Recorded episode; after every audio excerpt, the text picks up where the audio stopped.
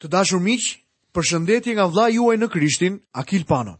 Ju uroj mirëseardhjen në emisionin e sotëm dhe njëkohësisht ju kujtoj që sot do të fillojmë studimin tonë në kapitullin e tetëmbëdhjetë të Ungjillit sipas Lukës. Temat e këtij kapitulli janë këto: Shëmbëlltyra e gjykatësit të padrejtë, shëmbëlltyra e fariseut dhe tagrambledhësit, Jezusi bekon fëmijët e vegjël, Jezusi vë përballë pesë Nga dhjetë urdhërimet, një të riu të pasur, Jezusi shëron njeriun e verbër në hyrje të Jerikos. Përpara se të fillojmë këtë kapitull, do të doja të thoja disa fjalë për Zotin tonë. Unë personalisht besoj që Jezusi ishte Zoti i manifestuar në një trup njerëzor. Besoj se ai nuk ishte më pak perëndi për shkak se ishte njeri. Nga ana tjetër, nuk ishte më pak njeri, për shkak se ishte Perëndi. Ai ishte njeriu i përsosur, një njeri i vërtetë. Në fakt, nëse do të kishe qenë në atë ditë, do të ishe kënaqur me shoqërinë e tij. Do të kishte qenë një privilegj i vërtetë të qëndroje në shoqërinë e Jezusit dhe të dëgjoje të qeshurën e tij. Personalisht nuk më pëlqen asnjë nga pamjet që shoh me Jezusin. Artistët nuk e kanë pikturuar atë kurrë duke qeshur, por jam i bindur që Zoti Jezus ka qeshur shumë herë. Zoti ynë ishte njerëzor, në prezencën e tij mund të kaloje kohën më të mirë që ke ëndërruar ndonjëherë. A e dini, jam i sigurt se ju do të dëshironit të rrinit me të. Njoh disa predikues, shoqëria e të cilëve më pëlqen shumë. Ata më kanë mprehtësuar mendjen dhe fuqinë time. Dëgjoj prej tyre historitë më gazmore që kam dëgjuar ndonjëherë në jetën time. Jam i bindur se Zoti ynë ishte fantastik. Tani do të shohim një ngjarje që jam i sigurt që do të bëjë shumë njerëz të qeshin. Lexojmë në kapitullin e 18 të Ungjillit sipas Lukës, në vargun e parë. Pastaj u tha atyre edhe një shëmbëlltyrë. për të treguar se duhet të lutemi vazhdimisht pa u lodhur. Jezusi e mbylli kapitullin e 17 me një diskutim në lidhje me ditët e fundit dhe faktin që ai do të kthehej sërish. Ai i përqasi ditët e fundit me ditët e Noeut. Ato do të ishin ditë të vështira, ditë të favorshme për besimin. Kështu që tani Jezusi u flet për një jetë me besim në ditët kur besimi do të mungojë. Kjo është arsyeja pse kjo është kaq me vend në këtë kohë. Ne po jetojmë në ditët për të cilat Zoti Jezus tha që zemrat e njerëzve do të dështojnë nga frika. Në këtë paragraf kemi një lutje për kohën që ndodhemi. Vini re se ai thotë që e dha këtë shëmbëlltyrë për këtë fund. me qëllim që njeriu të lutet gjithmonë dhe pa u lodhur. Ai shpalos dy alternativa të njerëzve që jetojnë në ditë të vështira. Ne mund të jemi një nga të dy tipet. Ju duhet të vendosni vetë se kë do të zgjidhni. Njeriu në ditë të vështira ose do të lodhet, ose do të lutet. Për më tepër do të ketë ditë frike ose ditë besimi. Gjatë luftës së dytë botërore, kur bombardimet ishin kaq intensive në qytetin e Londrës, një shenjë u shfaq përballë një kishe në Londër që lexonte: Nëse gjunjët tuaj trokasin së bashku, gjunjëzohuni. Në fakt, ky është një rideklarim i asaj që tha Zoti ynë. Njerëzit duhet të luten gjithmonë dhe pa u lodhur. Është i njëjti mendim që apostulli Pal e shprehu pak më ndryshe. Ai tha, lutuni pa pushim. Kjo nuk do të thotë që duhet të shkosh në një takim që zhvillohet gjatë gjithë ditës apo natës. Lutja është një qëndrim apo mënyrë e të jetuarit. Është më tepër një qëndrim në jetë se sa një veprim i buzëve. Kujtoni që apostulli Pal u tha Romakëve në letrën drejtuar Romakëve, kapitulli 8 dhe vargu 26. Vetë fryma ndërhyn për ne me psherëtima të patregueshme. Kjo do të thotë që ato psherëtima nuk mund të vendosen në fjalët tona. Shpeshherë ne nuk kemi fjalë për t'u lutur, por megjithatë lutemi. Prapa fjalëve që fliten, ndodhet e gjithë jeta dhe ato e bëjnë lutjen efektive. Vite më parë, në një shtet të Amerikës ishte një predikues i shquar që kishte shumë shprehje të pazakonta. Njëra prej tyre ishte kjo: Kur një burrë lutet për prodhimin e drithërave, Zoti pret që ai të thotë amen me një shat në dorë. Ti nuk mund të rrish i gjunjëzuar gjatë gjithë kohës dhe të lutesh për prodhim drithërash dhe të mos punosh. Ky është absurditet i kotë. Ajo çfarë pret Zoti është që të lutesh për drithërat dhe pastaj të shkosh të punosh. Njerëzit duhet të luten vazhdimisht dhe pa u lodhur.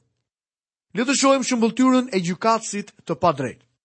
Me siguri kur Jezusi tregoi historinë e gjykatësit të padrejtë dhe vejushës, ka tingëlluar e njohur në veshët e dëgjuesve. Ata e dinin saktësisht se për çfarë po fliste Jezusi. Historia na fillon kështu. Lexojmë vargun e dytë dhe të tretë. Në një qytet ishte një gjykatës që nuk kishte frikë nga Perëndia dhe nuk kishte respekt për njeri. Tani po në atë qytet ishte një grua e ve që shkonte tek ai duke thënë: Ma jep të drejtën përpara kundërshtarit tim. Në këtë qytet jetonte një gjykatës i cili nuk kishte frikë nga Perëndia. Me shumë mundësi ai ishte një politikan i paskrupullt, intrigant, pa ndjenja dhe shumë llogaritës. Siç do ta shohim, çdo gjë që ky individ bënte, e bënte vetëm për vete. Çdo gjë që bënte duhet t'i shërbente progresit të tij dhe të kënaqte ambicien e vet. Ai nuk kishte frikë nga Zoti. Perëndia nuk kishte vend në mendimet e këtij njeriu. Dhe meqenëse nuk e kishte frikë Zotin, ai nuk kishte respekt as për njerëzit. Ai nuk kishte fare respekt as për këtë vejushë të gjorë. Ka mundësi që e veja të ishte e lodhur nga shtëpia e saj e vogël. Hipoteka po i hiqte të drejtën e pronësisë dhe ajo po trajtohej padrejtësisht. Ndaj shkoi te ky gjykatës i mirënjohur, zuri vend në zyrën e tij dhe e pyeti sekretaren nëse mund të fliste me të. Me shumë mundësi që sekretarja i tha, o, ai është shumë i zënë, por nëse do të doje mund të ma tregoje mua natyrën e ankesës tënde. Kështu e veja i tha, Jam vetëm një e ve e varfër. Jetoj në periferi të qytetit dhe jam duke humbur shtëpinë time. Kjo gjë është e pandershme dhe e padrejtë, për këtë arsye dua të apeloj tek gjykatësi. Sekretarja shkoi në zyrën e gjykatësit dhe i tha: "Jashtë ndodhet një grua e ve.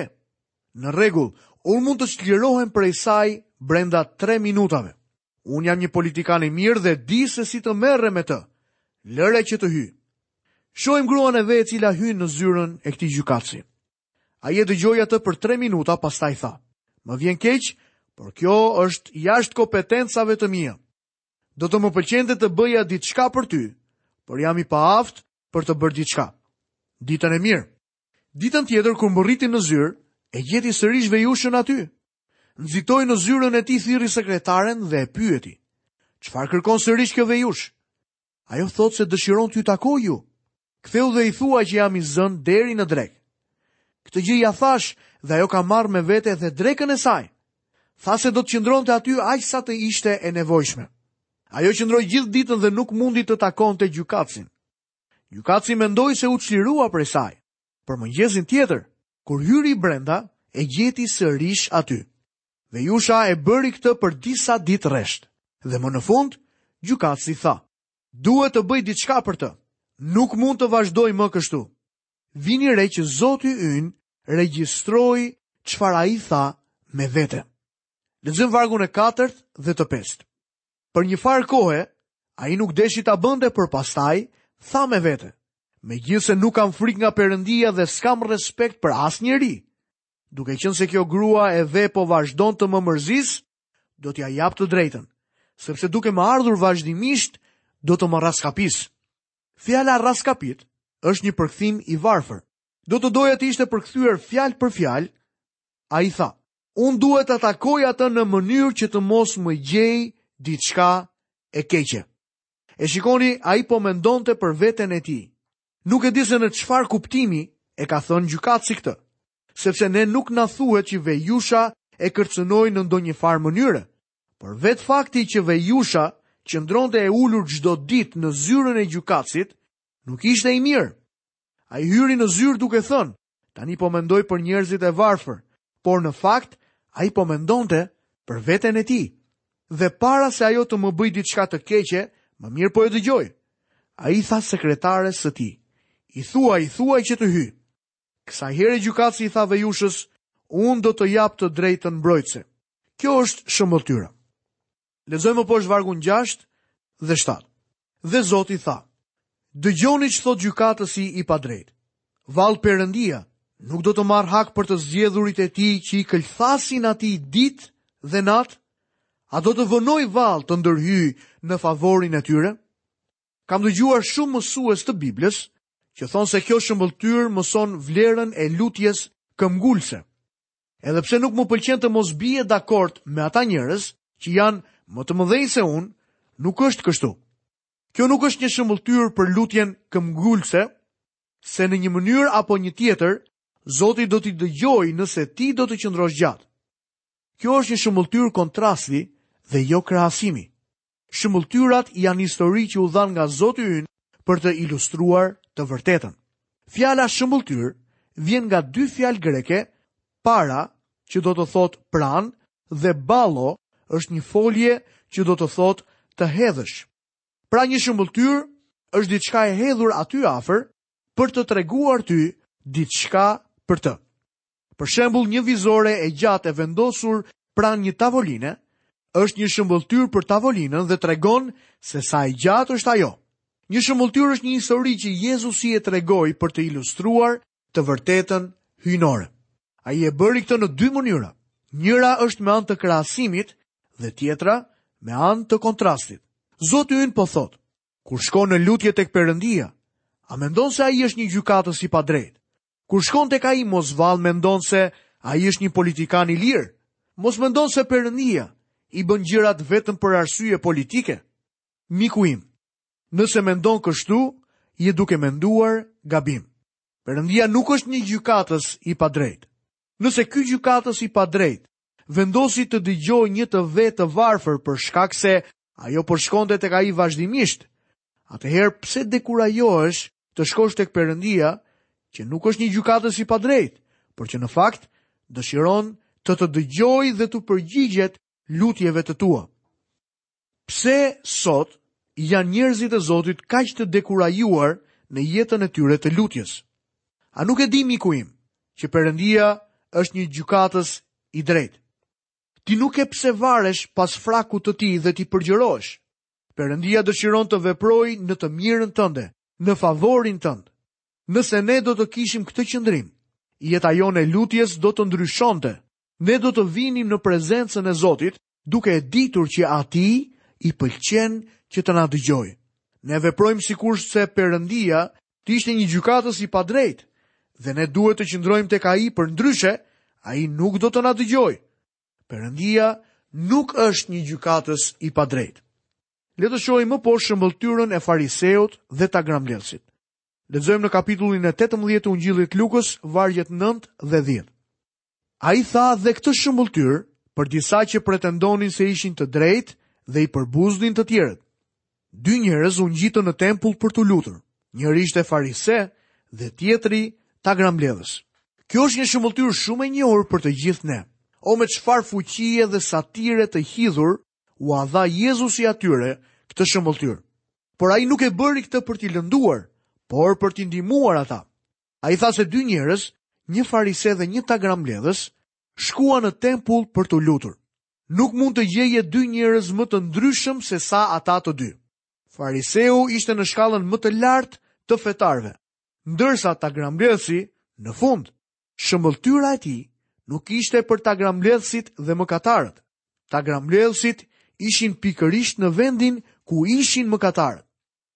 Fariseu ishte në majë, me sa duket, më i pranuari tek Perëndia. Ai shkoi në tempull për t'u lutur. Fariseu kishte hyrje të lirë në tempull. Ai solli sakrificën e vajosur. Ndërkohë që ai qëndronte dhe lutej, prifti i tij ishte në vendin e shenjtë, duke vendosur temjan në altar. Fariseu i vjetër ishte i sigurt për suksesin e tij. Lexojmë vargun e 11. Fariseu rrinte në këmbë dhe lutej në vetvete kështu: O Perëndi, të falënderoj që nuk jam si njerëzit e tjerë, grabitqarë, të padrejtë, kurorëshkelës dhe as si ai tagrambledhësi atje. A nuk është vallë kjo një mënyrë e tmerrshme për të filluar lutjen? Por kjo është mënyra se si disa prej nesh sillen. Ti mund të thuash, "O jo, unë nuk e bëj këtë gjë." Po, ti e bën. Kam dëgjuar shpesh lutje të tilla. Ndoshta nuk e themi tamam në mënyrën e fariseut, mirëpo ne jemi me themel, kemi mësuar ta themi më mirë se kaq. Ne kemi mënyrën tonë për ta thënë këtë. Shpesh në lutjet tona dëgjojmë: Zot, të falënderoj që mund të jap kohën dhe shërbesën time. Sa shpesh e dëgjoj këtë lutje. Çfarë komplimenti është ky për Zotin? Miqtë mi, ne nuk shkojmë asgjëkundi kur lutemi në këtë mënyrë. Fariseu tha, të falënderoj që nuk jam si njerëzit e tjerë. Pastaj ai filloi të numëronte se kush ai ishte. Unë nuk jam një grabitqar, me sa duket, duhet të ketë qenë ndonjë i tillë aty rrotull. Unë nuk jam i padrejtë, nuk jam kurorëshkelës. Pastaj, përgjoi tagrambledhësin atje jashtë dhe tha, Dhe më beso, Zot, nuk jam as si ai tagrambledhësi, nuk jam si ai mëkatar. Pastaj ai filloi t'i tregojë Zotit, çfarë bënte. Lexojmë vargun e 12. Unë agjëroj dy herë në javë dhe paguaj të dhjetën e gjithçkaje që kam. Oho, Zot, a nuk është ai një djalosh i mrekullueshëm? A nuk do të kishim dashur të gjithë ta kishim në kishën tonë? Zoti ynë tha, lutej në vetvete. Me fjalë të tjera, ai po bënte një monolog të tipit Hamletian. Hamleti u çmend dhe filloi të fliste me vete. Meqenëse ra fjala, Hamleti ishte një rast mendor. Hamleti tha, të rrosh, apo të mos rrosh. Kjo është çështja. Dhe ky farise i vjetër, ndodhej aty dhe po fliste me vete.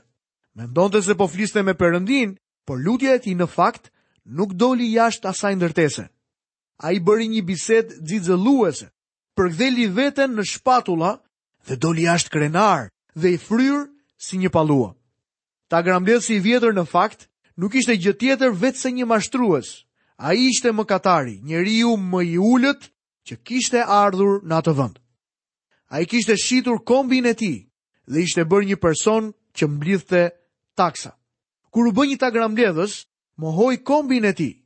Kur mohoi kombin e tij si hebre, ai mohoi edhe besimin e tij, fenë e tij. I ktheu shpinën Zotit. Ai mori një rrugë për të mos u kthyer më tek Zoti. Pse? sepse ishte një rrugë fitimprurëse. Ai tha, ka para nëpërmjet kësaj rruge, u bë i pasur si tagrambledhës, por kjo nuk kënaqi zemrën e tij. Nëse lexoni historinë e Levit, lexoni historinë e Zakeut, tek Luka kapitulli 19, zemra e një tagrambledhësi shohim që ishte bosh. Ky tagrambledhës i mjerë po i thërriste Zotit në dëshpërim dhe trishtimin e tij, duke e ditur që nuk kishte hyrje në vendin e mëshirës, në tempull. Le të lexojmë më poshtë nga vargjet 13. Kurse tagrambledhësi rrinte larg dhe as që guxonte t'i çonte sytë drejt qiellit, por rrihte kraharorin e vet duke thënë, O Perëndi, ji i mëshirshëm ndaj mua mëkatarit. O Perëndi, ji i mëshirshëm ndaj mua mëkatarit, nuk e shpreh mjaft mirë gjendjen e tij. Më lejoni t'jua jap në gjuhën që përdori ai në të vërtetë. Ai nuk guxonte t'i ngrinte sytë e tij nga qielli, por godiste kraharorin e tij, duke thënë, Unë jam një tagrambledhës i mjerë. Nuk kam hyrje të lirë në vendin e mëshirës, atje matanë në vendin e të shenjtit të të shenjtëve. O vetëm sikur të bëje një vend mëshire për mua, o Zot. Unë dua të vij. Zoti ynë thotë se lutja e këtij njeriu u dëgjua. A e dini pse? Sepse Zoti Jezu Krisht shkoi në kryq për të bërë një vend mëshire për të. Gjoni Apostull shkruan, ai është shlyesi për mëkatet tona, dhe jo vetëm për tonat, por edhe për ato të të gjithë botës. Shlyesi nënkupton vendin e mëshirës. Krishti është vendi i mëshirës për mëkatet tona, dhe jo vetëm për tonat, por edhe për ato të gjithë botës. Lutja e tagrambledhësit mori përgjigje. Në fakt, sot ti nuk ke pse i kërkon Zotit të jetë i mëshirshëm, sepse ai është i mëshirshëm. Shumë njerëz thonë, ne duhet t'i lutemi atij që ai të jetë i mëshirshëm me ne. Miku im, çfarë do të bëjë Perëndia më? Ai dha birin e tij të vetëm për të vdekur për ty. Ai i thotë mëkatarit më të keq që ti njeh, ti mund të vish tek unë. Ka një vend mëshire dhe për ty. Më duhet t'ju pranoj se edhe unë vetë duhet të shkoja tek ai vend mëshire. Nëse je fëmijë i Perëndisë, duhet të vish tek ai vend mëshire ku Zoti vdiq për të paguar mëkatet e tua dhe të miat. Ndëshkimi është paguar. Zoti i Shenjtë është i aftë t'i mbajë duart e tij të hapura. Ti nuk ke pse i përgjërohesh atij për këtë gjë. Nuk ke pse t'i premtosh Perëndisë ndonjë gjë, sepse ai e njeh dobësinë tënde. Ti nuk ke pse bashkohesh me dikë. Madje nuk ke pse të jesh dikushi. Ti mund të jesh si tagrambledhësi i varfër. Mund të vish dhe t'i besosh Perëndisë dhe Ai do të shpëtojë. Perëndia ynë është një Perëndi i mbushur plot me mëshirë. Ai është Ati i të mëshirëve dhe Perëndia i çdo ngushëllimi. Të dashur miq, këtu kemi mbërritur dhe në fundin e minutave të emisionit të sotëm. Jam mirënjohës Perëndisë që keni qëndruar së bashku me mua përgjatë këtij studimi në kapitullin e tetëmbëdhjetë të Ungjillit sipas Lukës. Nga vëllai juaj Akil Pano, keni të gjitha bekimet e Perëndisë dhe paqen e Tij me bollëk në jetët tuaja. Bashkë mirudëgjofshim në emisionin e ardhshëm.